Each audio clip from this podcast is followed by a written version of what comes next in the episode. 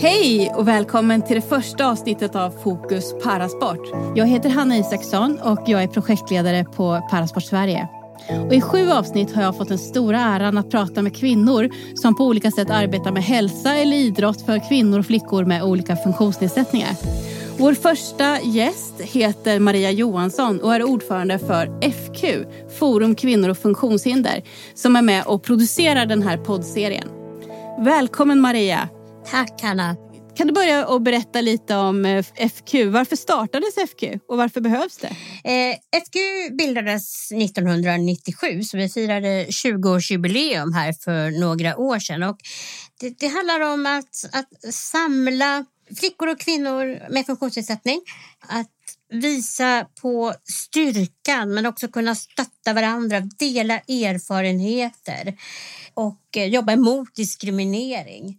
Vi är en cross disability organisation, vilket jag tycker är helt fantastiskt och en av våra stora styrkor. Det betyder alltså att vi, vi håller inte på och diskuterar våra funktionsnedsättningar utan vi ägnar oss åt samhällsförändring för att alla ska kunna vara delaktiga på jämlika villkor oavsett kön och oavsett funktionsnedsättning.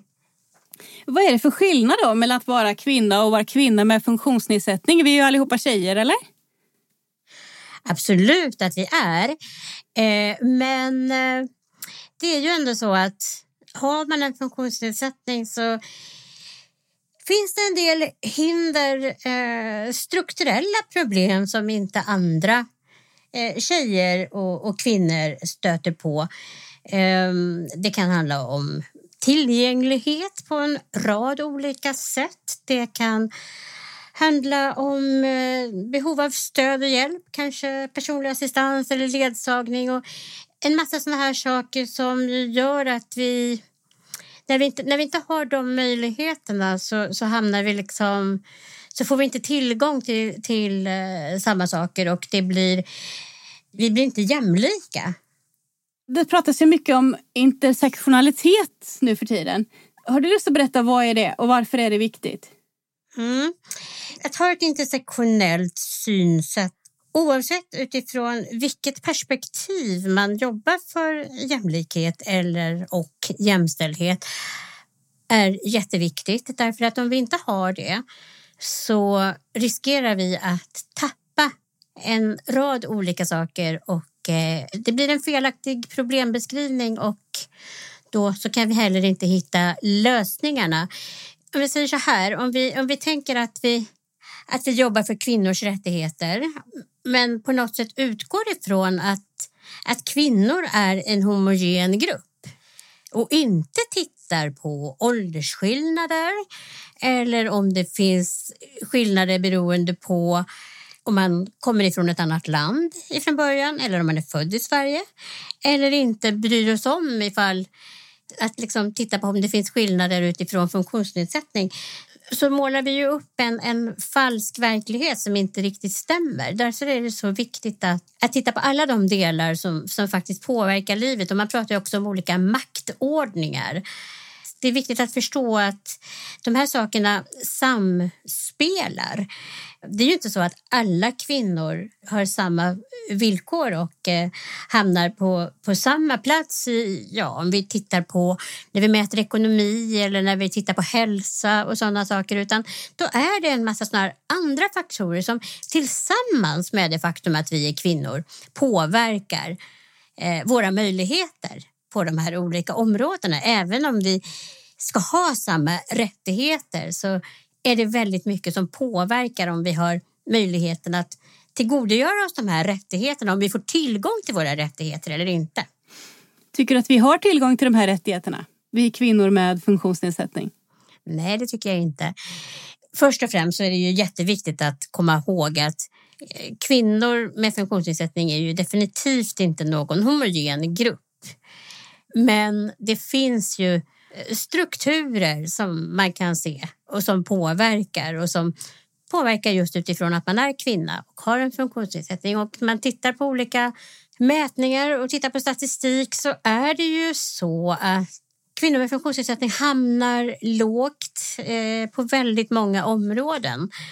Bland annat eh, när det gäller tillgång till utbildning, tillgång till arbete, eh, vilken ekonomi man har, eh, men också det här med hälsa och då tittar man också på det här med onödig ohälsa, alltså hälsa som egentligen inte kan liksom förklaras med funktionsnedsättningen utan eh, andra faktorer. Det är ju det ena. Och en annan sak är ju att om vi jämför kvinnor med funktionsnedsättning med män med funktionsnedsättning så ser vi alltså dels alla de här parametrarna som jag, som jag nämnde nyss mm. men också det här att i vilken grad man beviljas här behovsprövade stöd eller inte är också någonting som är en skillnad beroende på om du är man eller kvinna.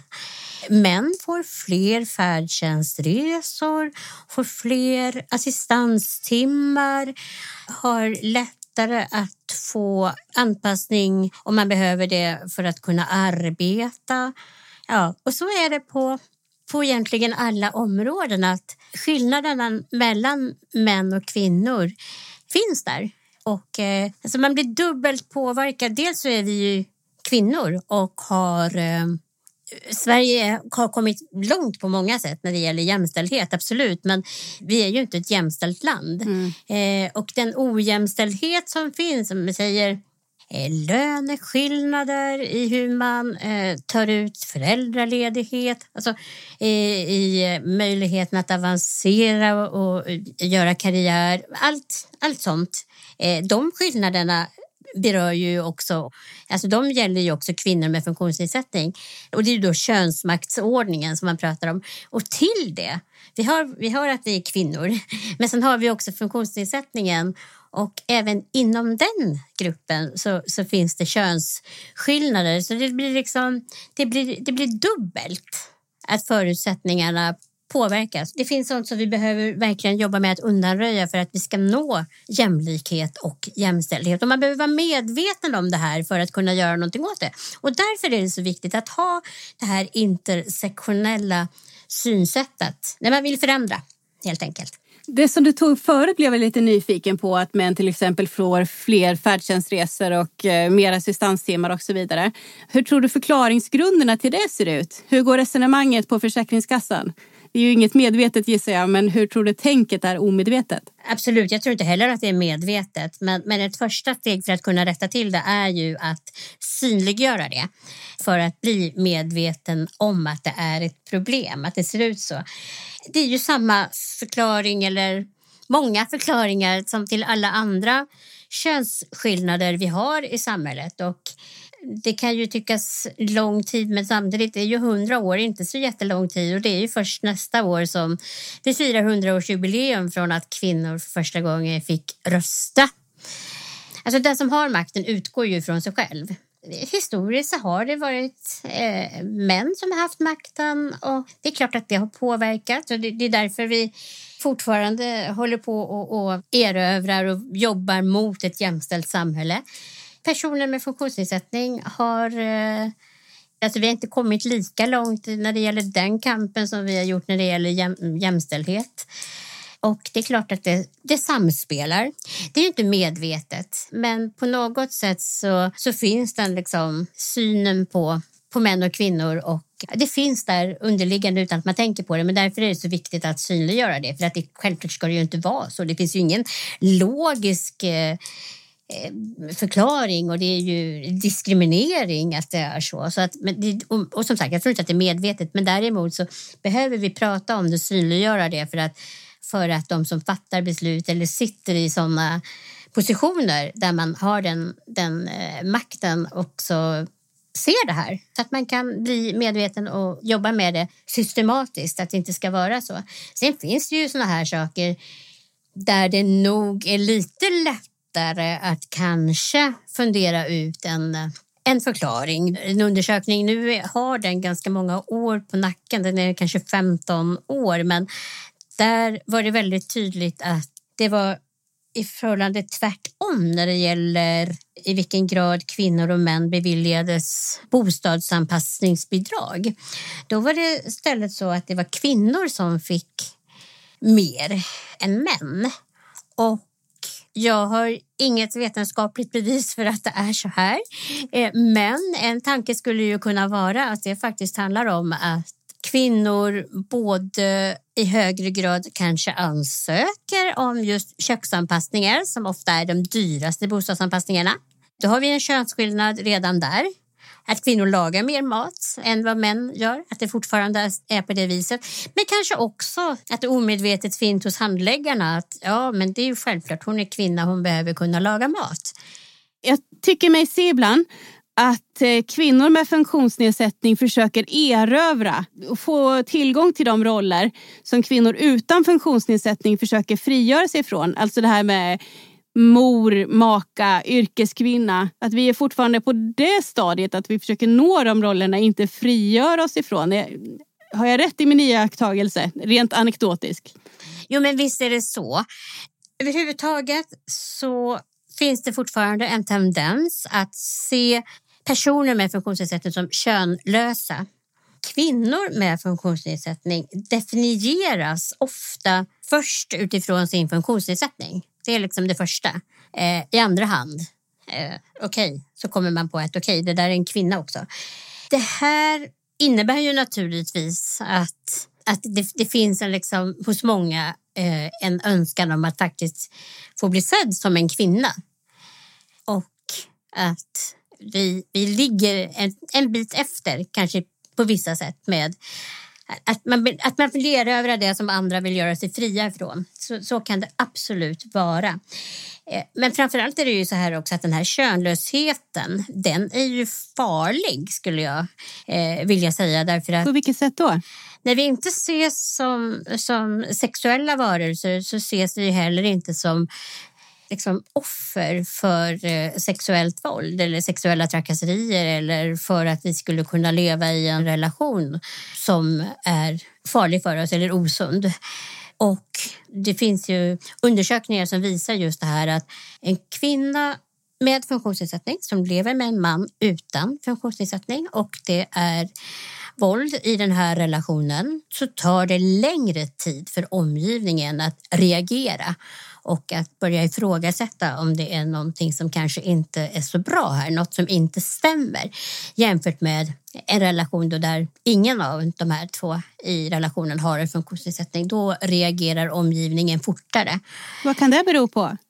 Ja, vi jobbade mycket med en undersökning tillsammans, flera organisationer i funktionshinderrörelsen där, där det här då blev väldigt tydligt. Där vi gjorde en stor enkätundersökning om mäns våld mot kvinnor med funktionsnedsättning. Och just det här med den här längre tiden innan omgivningen reagerar. Alltså det, vi, det vi kom fram till i våra analyser var att omgivningen har, alltså vi har en tendens i samhället att, att glorifiera en man utan funktionsnedsättning som lever med en kvinna med en funktionsnedsättning. Att han är ju ja. så fantastisk. Eh, så det är liksom den bilden som etsar sig fast. Så därför tar det längre tid innan de här andra signalerna om att någonting inte är som det ska når fram. Berätta inte det här för min man. Nej, precis. Då kommer jag se att han är fantastisk. eh, det är ju normer som, som styr oss, både vi som har funktionsnedsättning och andra naturligtvis och hela samhället. Så att, men det är viktigt att vara medveten om för att vi ska kunna förändra det här. Tycker du att den övriga kvinnorörelsen har någonting att lära sig av kvinnor med funktionsnedsättning? Absolut. Först och främst att förstå att det är en del av mångfalden och ett sätt att vara kvinna på. Det är jätteviktigt och att kvinnorörelsen måste ju, menar jag, vara för kvinnor av alla slag och vara en, en plats där man slåss för, för jämställdhet för alla kvinnor. Jag läste en artikel eh, med dig där det pratas om olika handikapporganisationer som ska representera både kvinnor och män med funktionsnedsättning. Eh, men att kvinnor ofta där också hamnar i skymundan. Mm. Hur kommer det sig att inte ens vi själva lyckas med detta? Ja, och jag är ju en del av det problemet själv också. Jag har ju haft eh, ledande roller i, i funktionshinderrörelsen Och det blir väldigt lätt att man, man pratar om personer, inte kvinnor och män eller flickor och pojkar. Och som jag tänker, varför gjorde jag inte mer? Och ändå hade jag... Alltså, det är klart vi jobbade med jämställdhet när jag hade de rollerna men ja, jag kan tänka varför gjorde vi inte ännu mer? Men det är väldigt lätt att, att hamna i att, att prata om hela gruppen eller hela medlemskåren eh, vilket det självklart finns ett värde i också. Men man måste också se och synliggöra de skillnader som finns exempelvis då mellan, utifrån kön. Och eh, det, ja, det, det, skulle hela funktionshinderrörelsen behöva bli bättre på, absolut. Men, men, det är ju också någonting som är ett, ett problem överhuvudtaget att det finns inte så jättemycket könsuppdelad statistik och, och så. Men det börjar bli bättre. Det börjar bli bättre med det. Just det här med könsuppdelad statistik. Hur kommer det sig att det ser ut så? Kan du berätta lite mer om det? Alltså det här är ju någonting som håller på att förändras men det går väldigt långsamt. Också sånt som FN efterfrågar. De efterfrågar ju statistik överhuvudtaget men också då könsuppdelad. Och jag tror att det hänger ihop med den här liksom, könsneutrala synen som, som lever kvar. Och det får ju då effekten att man inte känner till att det är de här stora skillnaderna. Och problem och felaktigheter som man inte känner till är ju svårt att göra någonting åt. Så det är ju alltid första steget att ta reda på hur verkligheten ser ut. För då kan man fundera på lösningar och sen kan man förändra.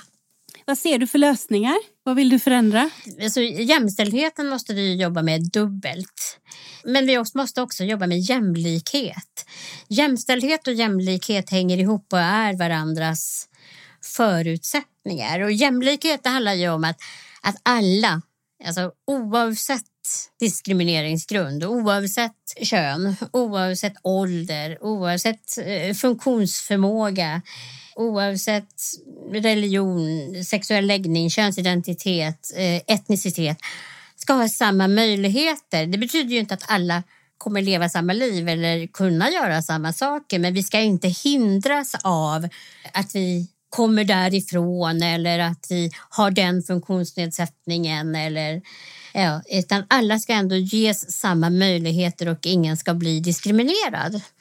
Och jämställdhet är ju då att alla oavsett kön, att det ska inte vara könet som gör att du är hindrad från att, att göra någonting eller att söka ett jobb eller att eh, få en utbildning eller att du har en lägre lön än din kollega som har samma kompetens och gör samma sak. Och de här två hänger ju ihop och vi kan ju inte nå jämställdhet om vi inte har jämlikhet och vi kan inte nå jämlikhet om vi inte har jämställdhet. Jag vet att du föreläst för 130 ungdomar idag, Maria. Ja, nej men det, var, det var morgonens uppgift här. Digital föreläsning för 138 klassare Och det var via mitt arbete. Jag jobbar med alliering, ett projekt som heter Allierad där vi uppmuntrar till att man ska alliera sig i rättighetskamper som man själv inte kanske är berörd av men alltså stå upp för varandras rättigheter och hjälpas åt att liksom, förändra de normer i samhället som gör att vissa utestängs. Hur reagerade kidsen på den här frågan? Då?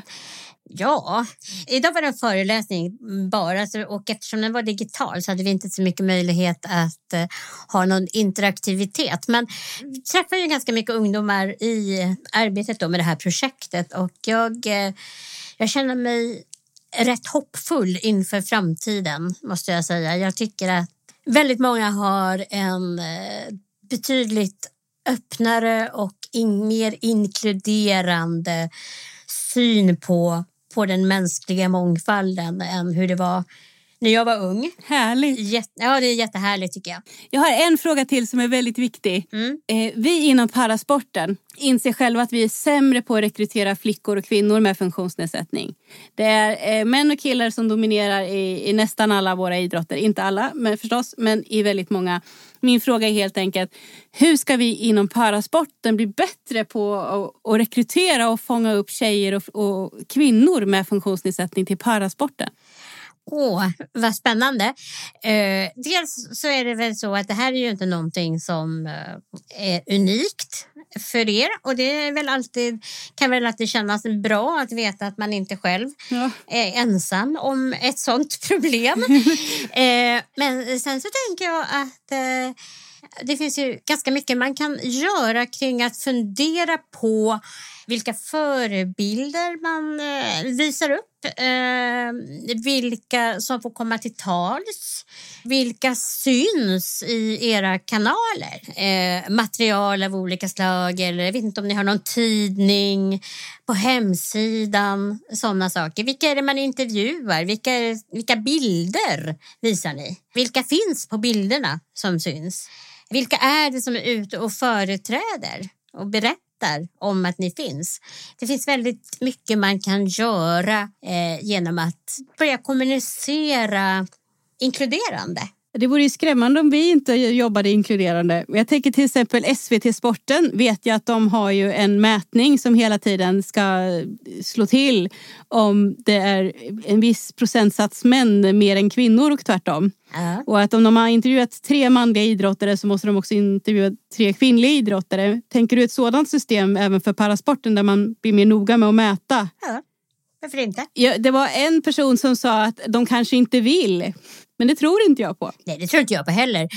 För att det jag nämnde nu var det som syns utåt, men sen också kan man ju fundera på hur tar man hand om de tjejer som ändå kommer? Känner de sig välkomnade? Känner de att de kan vara med på sina villkor? Eller känner de att de hela tiden kommer lite i andra hand? Eller liksom... Ja, vi vet ju att, eh, och inte bara hos oss i parasporten, men att flickornas idrotter får sämre tider i hallarna. Ja, precis. Alltså, och hur, hur är det med hur mycket pengar man satsar? Eh, men det finns väldigt mycket man kan göra för att rätta till det här. Innan vi avslutar idag, om du fick önska något eller se en stor grej eller en förändring som du bara kunde trolla så skulle jag att vi tar ett jättekliv i jämställdhetsfrågan. Vad skulle det vara? Ja, eh, jag är ju lite så fast i jämställdhet för kvinnor med funktionsnedsättning helt enkelt. Så är det ju. Alltså, vi måste på allvar börja utgå ifrån att personer med funktionsnedsättning ska ha jämlika villkor, kunna leva på samma sätt som andra. Och då kan vi inte hålla på med det som nu sker med att dra ner på tillgång till hjälpmedel, tillgång till personlig assistans, tillgång till teckenspråkstolk och så vidare och så vidare. Det finns väldigt mycket där eh, vi tyvärr backar som vi behöver ta omtag i. Eh, det är ju också så att när det gäller kvinnor med funktionsnedsättning så har vi ju två FN-konventioner, två av FNs så kallade kärnkonventioner att hänvisa till. Dels har vi kvinnokonventionen från 79, alltså mot diskriminering av kvinnor. Men sen har vi ju då konventionen om rättigheter för personer med funktionsnedsättning. Och när det gäller den här funktionshinderkonventionen så är den ju väldigt tydlig i vad staten har för ansvar för att undanröja de hinder som fortfarande finns för att personer med funktionsnedsättning ska ha samma möjligheter och rättigheter som alla andra. Och någonting som också är väldigt tydligt, som ju faktiskt Sverige har antagit när vi eh, har ratificerat konventionen, det är att vi får inte backa i vunna rättigheter. Ändå så är det ju det vi ser. Nu blir det väldigt så politiskt på ett sätt, men jag tror ju också att vi behöver många fler förebilder. Vi behöver politiker, vi behöver företagsledare, vi behöver skådespelare, alltså, vi behöver föreläsare, vi behöver kända personer. Vi vet ju att alla de här finns det finns både kvinnor och män med funktionsnedsättning i de flesta yrken och med drömmar och engagemang på alla möjliga olika sätt. Men vi behöver synliggöra dem. Alltså ett sådant konkret exempel är ju att vi har, om vi tittar på, om vi då utgår ifrån, vi kan ta och titta på det här med att använda rullstol. Eh, och så tittar vi på Sveriges riksdag vi har 349 ledamöter i riksdagen. Om vi då tittar på Sveriges befolkning och eh, utifrån hur många rullstolsanvändare vi är i Sverige så borde vi ha minst 5,5 riksdagsledamöter eh, som är rullstolsanvändare per mandatperiod. Oj, blir det så många? Ja, om det skulle motsvara då representationen i, i befolkningen. Hur många har vi haft, Hanna? Vet du det? En, va? Vi har haft två. Vi hade en för några år sedan och det fanns en på 50-talet. Och båda de, de var män också. Eh, och det är klart att sånt här spelar roll. Det spelar roll för samhällets syn i stort på vilka som man räknar in.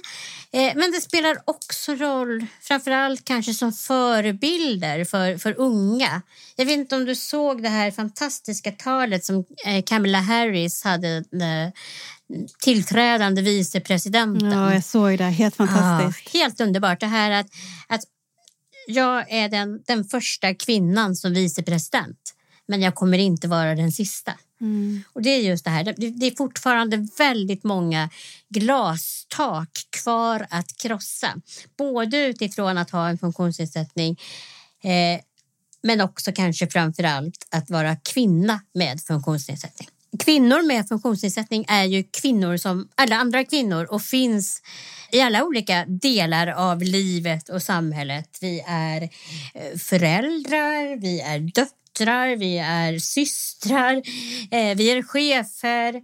Vi finns i alla roller, men många gånger så är det ju funktionsnedsättningen först och främst som antingen andra ser, eh, men det kan ju också vara så att även om inte funktionsnedsättningen är det viktigaste för dig och mig som, som individ så blir den ju avgörande när det finns hinder som samhället sätter upp som gör att jag på grund av min funktionsnedsättning inte kan vara delaktig på samma sätt som andra. Då blir den ju väldigt viktig och då blir det ju tyvärr den som, som på något sätt tar överhanden och överskuggar alla de här andra rollerna eller delarna man har av sitt liv. Tack så jättemycket Maria. Det var så intressant. Tack för ditt engagemang. Tack för att jag fick vara med. Jätteroligt. I nästa avsnitt så kommer jag träffa Denise Cresso som jag var och är initiativtagare till metoo-upproret för kvinnor med funktionsnedsättning. Kvinnor med funktionsnedsättning har ju precis som du sa en högre utsatthet för både hot och fysiskt och psykiskt och sexuellt våld i alla relationer. Har du en fråga eller något som du skulle vilja skicka med till Denise i nästa avsnitt? Jag vill skicka med en uppmuntran och ett ett tack naturligtvis för att hon drog igång det här uppropet som verkligen behövs och eh, också att jag hoppas att hon orkar hålla i att hålla det vid liv. Det vill jag skicka med. Tack så mycket. Tack för idag och jag hoppas vi hörs igen i nästa avsnitt.